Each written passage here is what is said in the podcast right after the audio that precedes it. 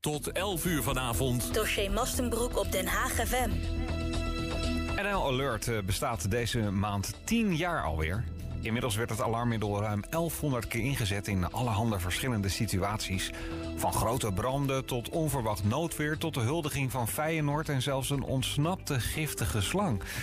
Binnenkort ontvangt heel Nederland weer een NL Alert. Op maandag 5 december rond 12 uur zendt de overheid het 20ste NL Alert testbericht uit.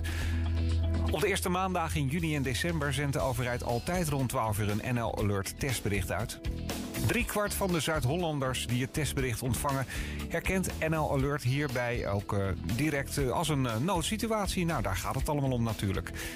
Dit blijkt uit een onderzoek dat namens het ministerie van Justitie en Veiligheid is uitgevoerd. In het testbericht, dames en heren, staat ook duidelijk dat het om een test gaat. Je hoeft dus helemaal niets te doen. Nog een kleine tip namens de redactie van Dossier Mastenbroek. Het NL Alert kan hard klinken als je oordopjes of een koptelefoon gebruikt. Dus houd daar even rekening mee. Die maandag 5 december rond 12 uur. Elke woensdagavond. Dossier Mastenbroek op Den Haag FM.